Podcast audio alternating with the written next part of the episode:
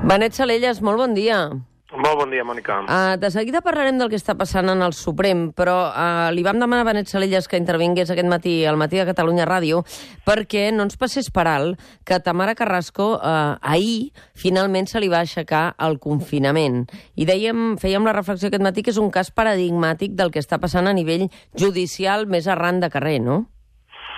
Sí, és un, és un exemple, diguem-ne, d'aquest context d'excepcionalitat jurídica que vivim no? en, en relació a l'administració la, de justícia a Catalunya, sobretot en relació als moviments socials i al moviment independentista a partir del, de la tardor del 2017, i ens ha portat a una situació mm, inaudita no? d'aquest confinament que ha viscut una, una ciutadana al seu, al seu municipi, a Viladecans, durant, durant més d'un any. No? Uh -huh. I això no ho havíem vist mai, i malauradament doncs, eh, ho hem hagut de veure derivat d'una investigació en relació als CDRs no? i a les mobilitzacions que hi van haver quan la detenció a Alemanya de Carles eh, Puigdemont. El jutge coincideix amb la defensa, considera que la mesura del confinament és desproporcionada. Conseqüències d'això, perquè això ara està en el jutjat d'instrucció número 24 de Barcelona i la investiguen per desordres públics, no?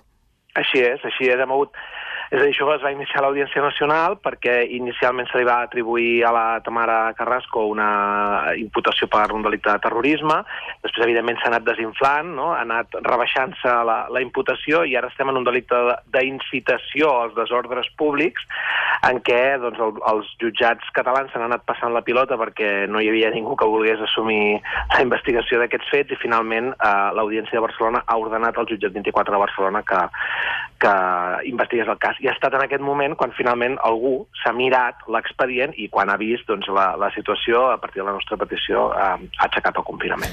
Més coses, Benet Salelles, i avui abusarem una mica, però aquesta tarda Ben Emerson eh, farà públic el document del grup de treball de detencions arbitràries de Nacions Unides que demana que es deixi en llibertat immediatament Jordi Cuixart, que és el, el teu defensat, diguéssim, el teu patrocinat, com en dieu tècnicament, Jordi Sánchez, Oriol Junqueras i, per extensió, suposo, la resta de presos polítics. Eh, quina importància té aquest document que es farà públic a Londres aquesta tarda? Té una importància absolutament capdalt. Uh, penso que en termes no, de, de les... A més de la discussió que nosaltres hem estat plantejant en aquest judici de, des del primer dia, que és no, la importància del respecte als drets humans i als drets fonamentals com a, com a eix de defensa, doncs ens trobem amb que un grup no, uh, de treball de Nacions Unides format per cinc experts independents de, de cinc països diferents uh, ha dictaminat sobre la situació de presó provisional de, no, dels Jordis i de l'Oriol l'Oriol Junqueras i avui sabrem exactament el resultat i la motivació, però algunes informacions doncs, estan apuntant ja a que el resultat d'aquest dictamen és concloure que la detenció és absolutament arbitrària i injustificada i que contravé a eh, la Carta Universal de Drets Humans i els, tractes, eh, els tractats internacionals subscrits per l'estat espanyol en aquesta matèria. No? I, per tant, eh, per nosaltres és una peça fonamental, perquè més enllà doncs, que no, estem de, no és una decisió d'un tribunal, això ho tenim tots clar, no? és una decisió d'un grup d'experts de Nacions Unides, però també és veritat que si no, eh, aquest eh, grup dictamina d'aquesta manera i amb aquesta claredat no, en relació a la situació de, de presó, doncs pensem que els òrgans judicials espanyols no poden fer cas omís i que han de donar, donar, donar recorregut no, aquesta mm. decisió de, de Nacions Unides i, i complir-la. Si no, estarien acceptant ells mateixos que no compleixen la Carta Universal de Drets Humans. Uh, I ahir el Tribunal Europeu de Drets Humans d'Estrasburg, patacada a l'independentisme, li va dir no pots saltar-te la Constitució espanyola. Uh, aquell ple del 9 d'octubre que van recórrer els socialistes perquè en el Constitucional i el Constitucional va suspendre perquè es basava en la llei del referèndum que estava suspès en aquell moment, uh, en la sentència del Tribunal Europeu de Drets Humans d'Estrasburg, el contingut de la sentència diuen clarament que la Constitució espanyola no es pot trencar i que suspendre aquell ple no vulnera drets fonamentals. Com ho valoreu? Bé, jo penso que és un, és un pronunciament sobre un tema molt menor, um, perquè bàsicament el que es discutia allà no, era sobre si el Tribunal Constitucional uh, tenia la, la potestat de, de modificar no, la, les convocatòries del, del Parlament de Catalunya, no? una qüestió al final d'agenda no, i de compliment de les decisions del propi Tribunal Constitucional. Jo penso que el que ha passat en aquesta demanda és que no s'ha aconseguit posar de relleu un dret fonamental no? que fos eix, que fos central en aquesta decisió, i per tant Estrasburg, que només ha de resoldre, no? eh, ha de donar la raó en aquells casos en què es vulneren drets fonamentals, doncs ha entès que no, no havia de donar l'empara en aquest cas. No? Però mm jo penso que el que es discutia en aquest judici, en aquest procediment, és una qüestió, insisteixo, molt d'agenda i molt procedimental, i des de la perspectiva, no, sobretot de societat civil, que és en el que nosaltres ens, ens toca i ens correspon eh, quan parlem de 20 de setembre, o d'octubre, no, dels fets que estem eh, discutint en aquest judici al, al Tribunal Suprem, jo penso que la decisió d'Estrasburg no ens afecta de cap de les maneres ni, ni contradiu cap de les tesis no, que nosaltres estem plantejant com a defenses en aquest judici. O sigui, creieu que no tindrà cap impacte el fet que entrin en la qüestió de la Constitució? No, eh, això no tindrà cap impacte no, sobre la causa? El que, el que fa és validar no, que la, la modificació modificació que va haver-hi de la llei orgànica del Tribunal Constitucional el 2015, que ja va ser d'alguna manera avalada per la Comissió de Venècia, doncs Estrasburg diu que d'acord amb aquesta modificació el Tribunal Constitucional podia adoptar mesures com suspendre el ple eh, que es havia previst inicialment pel, pel 9 d'octubre, no? Uh mhm. -huh. Però jo penso, i crec que no, no diré cap bestiesa si ho dic, que després d'aquell 9 d'octubre, en matèria de drets fonamentals a Catalunya han passat coses extremadament molt més greus. Vam tenir no, les detencions del Jordi, hem tingut el 155, hem tingut l'empresonament del govern, i per tant, eh, penso que des de, la, des de la perspectiva del que ha passat després, aquest tema de la, que resolia la sentència d'Estrasburg d'ahir és extremadament menor i col·lateral. I en creus que no té cap vinculació amb que ahir Fiscalia ja avancés que mantindran les acusacions de rebel·lió al Suprem?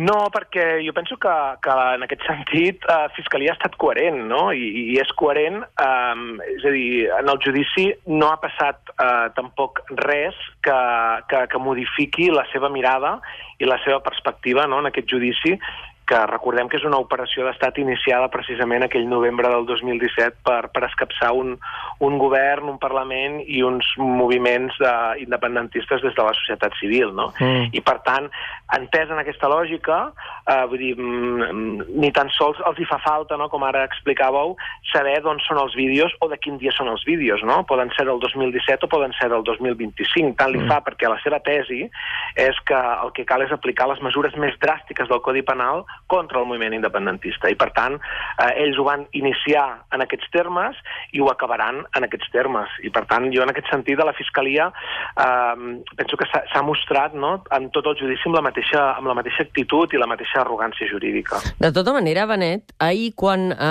aquests vídeos va quedar clar, perquè el fiscal Moreno, ara ho sentíem, i per això volíem que ho escoltessis una altra vegada, perquè suposo que són tantes hores allà dins eh, que us va bé la síntesi que, que fan en Dani i en Domènec, no? També? Sí, molt bé, i, i a més a més, o sigui, no, no perquè ho sentis dues vegades, no deixa de ser igualment sorprenent, no?, que un òrgan que està regit pel principi de legalitat, com és la Fiscalia, eh, diguem-ne, pugui actuar en un judici eh, sense cap rigor, sense cap exhaustivitat i sense cap respecte per gent que té asseguda allà a qui demana 25 anys de presó. Ah. Per tant, jo crec que està molt bé que ho repetim totes les vegades que faci falta. Uh, Benet, uh, es pot admetre uh, que es presenti com a prova documental un vídeo que no saps ni de quin dia és, uh, dient que ho fas perquè justament vols eh, fer arribar al tribunal que això era un clima general? És a dir, penso que no, mm, Penso que, que en un procediment penal precisament doncs, eh, no, no s'hi val tot, ni s'hi val qualsevol document, i que cal ser rigorós eh, i cal, sobretot, eh, si fem de prendre no, decisions tan, que poden ser tan greus no, com les que es discuteixen en aquest judici d'aquests documents, doncs és necessari que puguem eh, acreditar que són autèntics, que puguem ubicar-los, que puguem discutir-los i donar-los sempre tot el context necessari. No? Mm. I, per tant, jo, jo crec que el que van fer ahir, mm, repeteixo, demostra no, aquesta, aquesta soberbia no, de, mm, que ni tan sols consideren que sigui necessari eh, provar totes i cada una de les coses que diuen perquè actuen com des d'una perspectiva superior, repeteixo, des d'una mena d'operació d'estat on el que cal és, és tallar d'arrel aquest moviment uh, polític. I així us expliqueu uh, que ells mateixos, des de les acusacions, hagin programat en la prova documental vídeos on se sent a Carme Forcadell, a Cuixart, a Oriol Junqueras fent crides a la calma i a les reivindicacions festives, cosa que no sembla que hagi d'ajudar, uh, ho deia aquest fiscal per Twitter, a les tesis de l'acusació. Clar, és que els fets són els que són. Uh, és a dir, malgrat que es digui que el moviment independentista uh, és violent, malgrat que es vulgui repetir no? uh, i construir aquesta falsedat, els discursos, a la perspectiva del moviment, sempre ha sigut claríssimament no violenta i claríssimament de, de protesta no violenta. I, per tant, um, allà on nosaltres hi veiem un exercici d'un dret fonamental, d'una manifestació, quelcom absolutament sa i necessari en una democràcia, doncs ells hi veuen no tant per, per la proposta concreta, no? sinó sobretot perquè estem davant d'un discurs independentista, ells hi veuen una incitació no? a trencar eh, aquest, aquest estat. No? I des d'aquesta perspectiva jo crec que, que és, ells, és des d'on ells ho construeixen. Benet, creieu que en les conclusions definitives de les acusacions, que les viurem, sembla ser, el dia 4, la setmana que ve, caurà algun dels delictes imputats o no?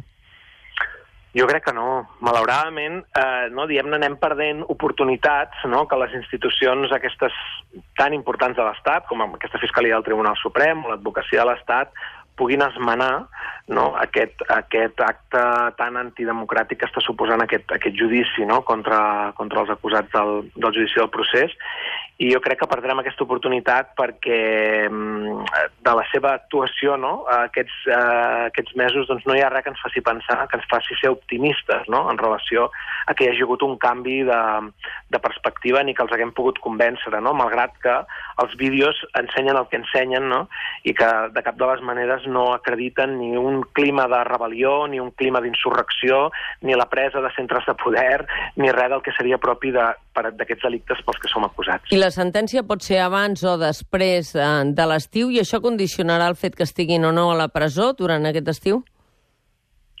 Bé, el dia que s'acabi el judici, no, eh, diguem-ne que el tribunal eh, sobretot en un judici que ha durat tant, no? d'alguna manera ja s'ha anat fent una idea de, de quina és en termes generals, no? la, la sentència que vol dictar, i per tant, si la sentència ha de ser absolutòria o per tots els acusats o per alguns d'ells, doncs un cop s'hagi acabat el judici, aquests acusats haurien de ser posats en llibertat encara que la sentència arribi després de, després de l'estiu. Per tant, en els dies posteriors no, a la finalització del judici, a partir de, la, de, de si es modifica o no la situació dels, dels presos polítics, eh, tindrem un, una primera intuïció no? sobre quina és la direcció en la que es mou aquesta sentència. El que passa és que jo una vegada més vull recordar que aquest judici doncs, l'estem celebrant davant d'un tribunal que no és competent i davant de tot un seguit de circumstàncies no?